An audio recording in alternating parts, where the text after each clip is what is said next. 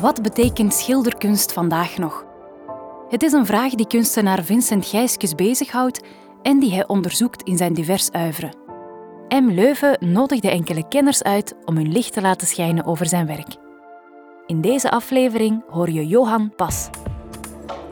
Ik ben Johan Pas, kunsthistoricus. Aan de Academie voor Schone Kunsten in Antwerpen geef ik leiding aan een, een ploeg bezielde docenten. Daarnaast geef ik ook zelf nog wat kunsthistorische vakken. En mijn eigen onderzoeksgebied situeert zich vooral op de avant-gardes van de 20e eeuw en hoe deze kunstenaars via tentoonstellingen en publicaties hun ideeën verspreiden. Ik heb Vincent Gijskes leren kennen toen hij nog student was op de academie, toen hij daar schilderkunst volgde. Ik had de eer om deel uit te maken van zijn jury op een bepaald moment. En het viel me op hoe um, gedreven en intelligent die um, jonge student schilderkunst eigenlijk over het medium praten.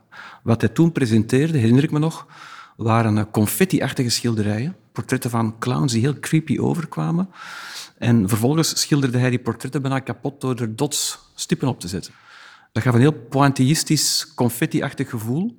En op dat moment wist hij er ook heel goed een verklaring aan te geven waarom hij dat aan het doen was. En dat is mij altijd bijgebleven. Niet lang daarna um, dook zijn naam opnieuw voor me op toen ik in de redactie zat van het kunsttijdschrift Artefactum. En hij als laatstejaarsstudent zelf het initiatief had genomen om schilders te gaan interviewen. En zo herinner ik me een interview tussen Vincent Gijskes en Luc Tuymans, waarbij Gijskes als jonge opkomende schilder Luc Tuymans, die op dat moment internationaal aan het doorbreken was, toch heel pertinente vragen over het medium stelde. En ook toen viel me dat op dat die student schilderkunst toch ja, naast een puur schildertalent ook wel heel wat meer in zijn mars had. Namelijk een soort conceptuele reflectie van het medium. En dat hij ook gewoon durfde naar iemand als Tuymans toe te stappen en die man gewoon ja, een paar uur lang uit te vragen en daar een tekst uit te distilleren. De kaderreeksen van Vincent waren een verrassing voor mij. Ik denk dat ik voor het eerst iets gelijkaardigs heb gezien van zijn hand toen Vincent en ik samenwerkten aan een tentoonstelling als een hommage aan Fred Bervoets. Eh, in 2007 ging Bervoets op pensioen en als cadeau bedachten we een tentoonstelling voor Bervoets, gemaakt door een bende jonge kunstenaars die uh, sterk door hem beïnvloed of, laten we zeggen, geleid waren geweest aan de academie. En daar herinner ik me een reeks werken van Vincent, dat is dus 2007, het waren geen lege kaders, denk ik wel, maar wel een reeks kaders op een rij, een soort horizontale lijn vormde. Ik denk dat sommige leeg waren en andere toch ook gevuld. Fred Bervoets is natuurlijk het archetype van de wilde schilder, de expressionist, de man die verhalen vertelt, die zelfportretten in zijn werk steekt. Eigenlijk het hele uiver van Bervoets is een soort van woekerend zelfportret. En dat staat best wel ver van de reflexieve, conceptuele praktijk van Vincent Gijskens. En toch heeft Vincent heel veel aan Fred Bervoets gehad. Ik denk vooral de energie en de drift waarmee Bervoets zijn schilderpraktijk beoefende, alsof schilderkunst geen enkel probleem was. Hè. Denk dat dat Vincent heel sterk geïnspireerd en gestimuleerd heeft. Vincent ziet Bervoets ook eerder bijna, denk ik, als een performer dan als een pure schilder. En in die zin denk ik dat, ook al is er esthetisch of artistiek of plastisch weinig qua overeenkomsten vast te stellen tussen Bervoets en, en Vincent Gijskens, dat er toch een grote relatie is tussen beiden. Fred praat ook altijd vol respect over Vincent, hè? terwijl die twee uivers vanuit picturaal oogpunt bekeken mijlen ver van elkaar staan. Fred, de wilde verteller, voor wie het schildermedium puur een manier is om iets te vertellen, te tonen, terwijl bij Vincent de schilderkunst ja, vanaf de eerste klodderverf op het doek al geproblematiseerd is. Je zou kunnen zeggen dat bij, bij het schilderen een soort spontane stroom is, terwijl bij Vincent het schilderen een schilderen tegen beter weten in is. Ik heb altijd het gevoel dat Vincent schildert terwijl hij weet dat schilderkunst eigenlijk een totaal achterhaald, um, versleten medium is. En net uit die paradox haalt Vincent zijn plezier ook. Schilderen terwijl je eigenlijk weet dat schilderkunst zo dood als een pier is. Hè. Zijn tentoonstelling in het smak in 2012 heette ook Undead. Een undead is een, een zombie hè, of, of, een vampier, een, wezen dat niet dood is, maar ook niet levend is. En voor uh, Vincent Gijskes is de schilderkunst eigenlijk ja, een soort zombie. In de hedendaagse schilderkunst zijn lijsten en kaders taboe. Sinds het modernisme lijst geen enkele moderne kunstenaar of schilder zijn schilderijen in. Kaders en lijsten worden geassocieerd met middelklas, kitsch, bourgeoisie, de oude meesters. Dus ik vond het toen frappant in Zeven om die kaders en die lijsten te zien. Um, en het viel me toen ook al op dat ze er heel messy uitzagen. Dat was niet keurig, dat was niet clean, dat was niet minimalistisch. Niet zoals een, bijvoorbeeld een Jan Verkruijsen, die in de jaren 80, in de jaren 90 lege lijsten en lege sokkels verzelfstandigde tot installaties. Hè. Dat was toen heel uitgepuurd, heel clean. Het werk van Jan Verkruijsen was heel minimalistisch in die zin, met een, een heel melancholische ondertoon ook. Maar het werk van Vincent had daar niks mee te maken. Dat was vuil, messy, een beetje rommelig ook. Die kadertjes leken ook gevonden te zijn of heel cheap te zijn. Geen mooie, uh, ambachtelijk vervaardigde sierlijsten of zo. Uh, dus dat beeld is me wel bijgebleven, toen in 2007. Sinds de renaissance beschouwen we een schilderij als een venster op de wereld. Je kijkt doorheen het schilderij naar een landschap of een stilleven of een interieur of een personage. De modernisten zijn daar tegen in te gaan door het schilderij terug plat te maken. En hij kiest daar een positie tussen eigenlijk, hè, door het schilderij toe te laten om een venster te zijn, maar dan ook letterlijk een venster. Hij toont namelijk het raam, het kader, maar de binnenkant is dan soms zelfs leeg of verstoord. Dus hij gaat het raamgehalte van het schilderij gaat naar voren trekken en wat er in het raam zit, namelijk het beeld, dat dan een werkelijkheid evokeert, gaat hij verstoren of verwijderen. En dat vind ik persoonlijk een heel geestig spel. Dat ook een beetje doet denken aan bepaalde praktijken in de jaren 50 en 60. Ik denk aan Lucio Fontana bijvoorbeeld, die schilderijen, uh, doeken begon te perforeren en te doorklieven.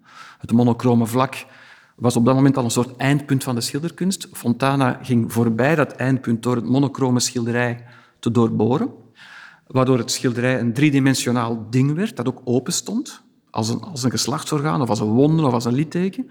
Ik weet niet of Fontana van belang is voor Vincent, maar ik zie toch veel parallellen tussen uh, de anti-peintuur die Fontana in de jaren 40, 50 toepaste en de manier waarop Vincent Gijskes vandaag dag de schilderkunst problematiseert door ze te materialiseren. Dus het beeld wordt vernietigd en door het beeld te vernietigen gaat de drager van het beeld, de verf, doek, frame, spierraam, gaat naar voren komen en gaat zich eigenlijk tussen de kijker en de werkelijkheid plaatsen als een nieuwe werkelijkheid.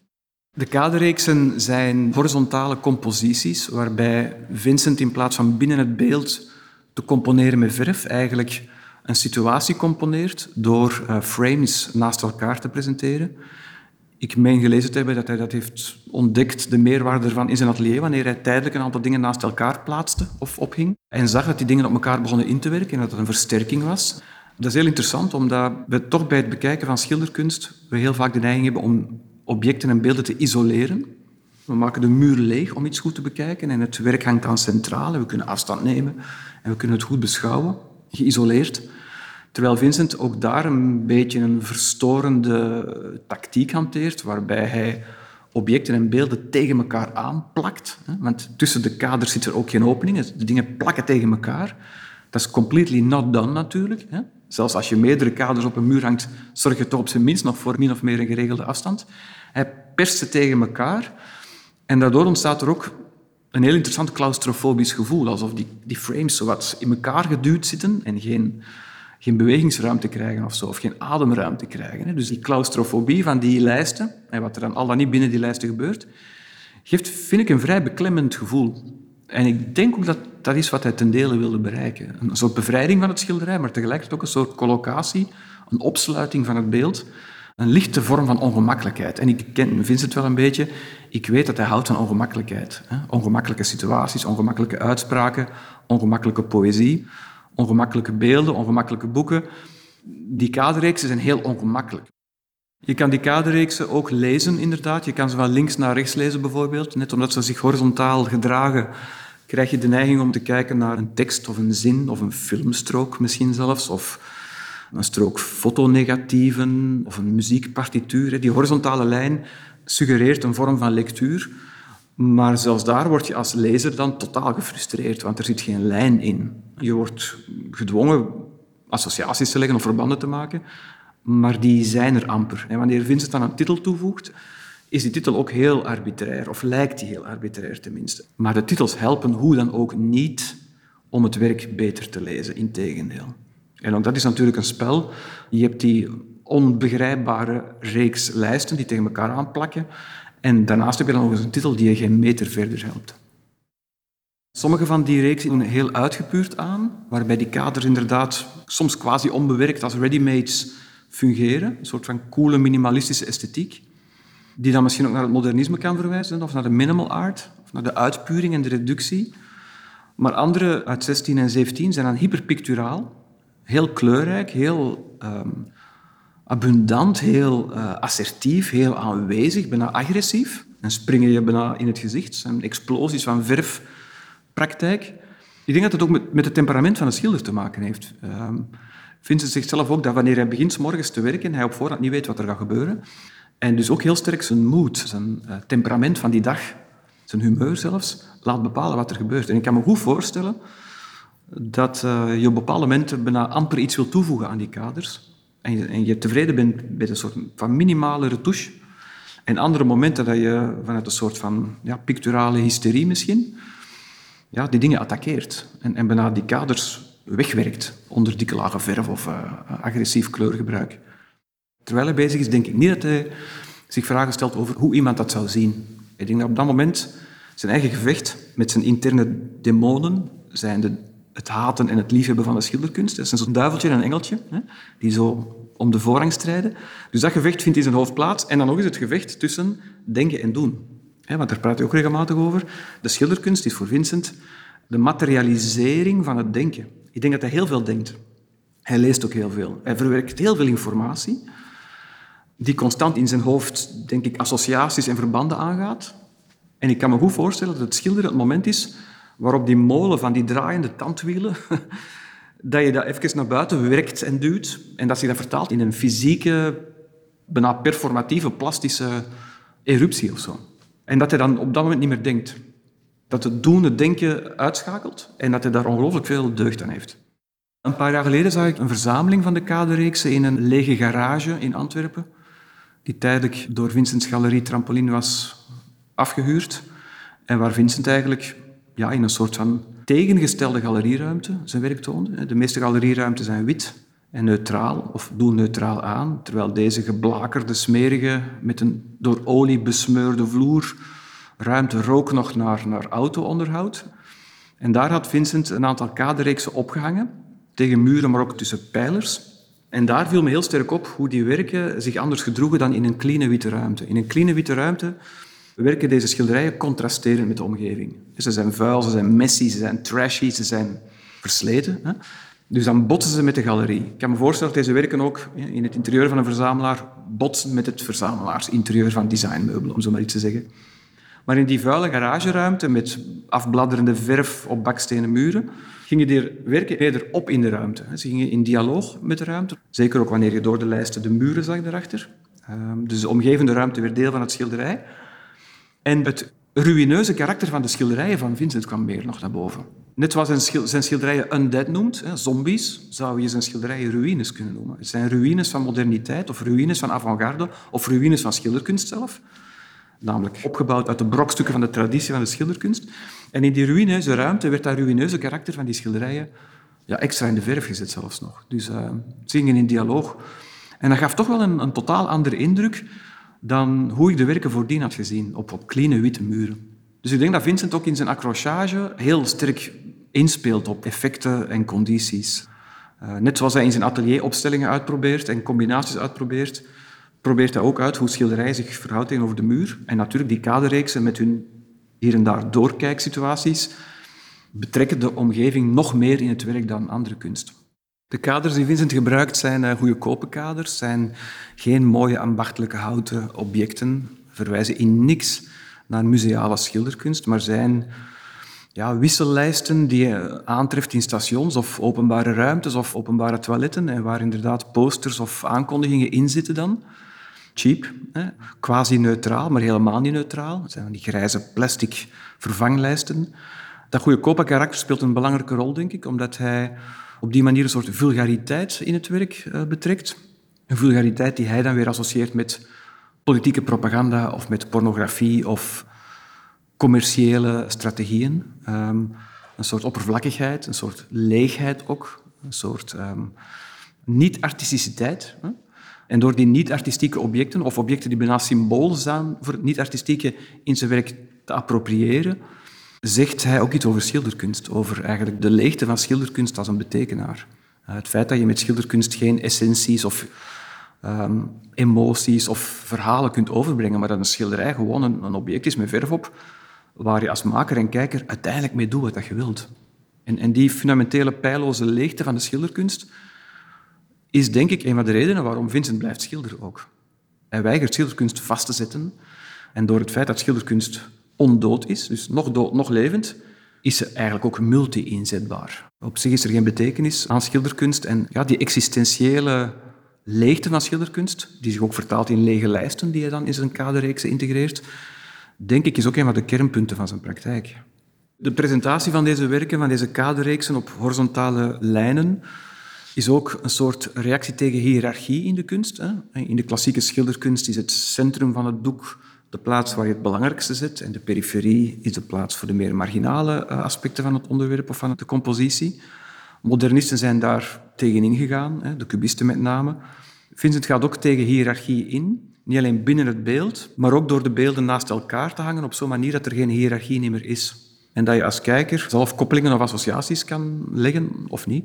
Dus die vlakheid, die uh, gelijkmoedigheid, die onuitgesprokenheid van dat het ene belangrijker zou zijn dan het andere, speelt zeker ook mee in dat werk. En Vincent heeft dat altijd al gehad, die hiërarchieloze manier van schilderen. Dat begon al met zijn studentenwerk, waar hij dus die confetti's, die dots, op het schilderij plaatste en dus eigenlijk het centrum wegwerkte. Het schilderij kreeg een soort all-over treatment. Maar als student heeft hij ook eens een keer tientallen versies geschilderd van één en hetzelfde object, namelijk een schedel. Gewoon repetitief, dag na dag, het identieke onderwerp, maar dan op een lichtjes andere manier. Waardoor ook de repetitie van het schilderen, de routine, hè, dat aan de lopende band maken van iets, was voor hem op dat moment een antwoord op het expressionisme dat in de academie toch wel, onder meer door Fred, heel sterk werd uh, beleden of uitgedragen. Uh, door één schedel gewoon systematisch dag na dag opnieuw te schilderen en eigenlijk ja, bijna je conditie van die dag te laten bepalen hoe die schedel er dan uitziet op doek. Hè zeg je ook iets over hiërarchie en, en relativiteit of relaties. En Vincent gaf ook aan dat zijn docenten dan bijvoorbeeld commentaar gaven, dat, dat ze sommige schedels beter geschilderd vonden dan andere. Voor hem was dat op dat moment niet aan de orde. Voor hem was het gewoon belangrijk dat hij 30 schedels schilderde. En dat hij eigenlijk dat onderwerp bijna er niet meer toe deed. Maar ook niet techniciteit of beter worden in het schilderen van een schedel. Voor hem waren die tientallen beelden volstrekt evenwaardig. En die evenwaardigheid, die equivalentie zie je eigenlijk ook in die kaderreeksen. Er is zo geen kader dat eruit springt of beter of indrukwekkender is dan de rest of zo.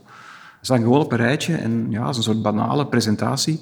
Take your pick. Hè. De kijker kan gewoon al niet bepalen of hij zijn aandacht vestigt op één van die kaders of gewoon het in zijn totaliteit binnenneemt. Het lijkt alsof het geen belang heeft. En wanneer Vincent tekeningen maakt tijdens het wandelen, dan gaat hij de natuur opzoeken. Dat is en plein air. Dat is eigenlijk de kern van de romantiek eigenlijk, die hij daar opzoekt. Hè.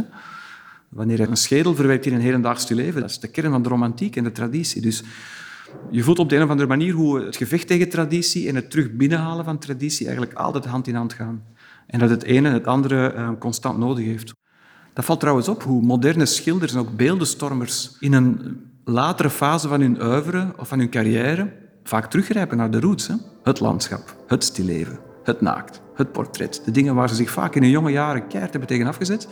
Zijn dingen die dan later terug opduiken, vaak op een heel klassieke manier, waarop op de een of andere manier een, een cirkel zich lijkt te sluiten dan.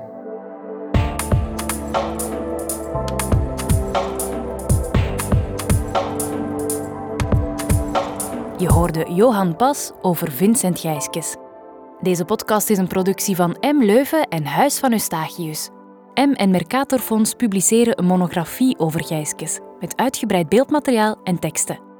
En bij uitgeverij Het Balanceer verschijnt een nieuw gedicht van zijn hand, Het geslacht van de paling.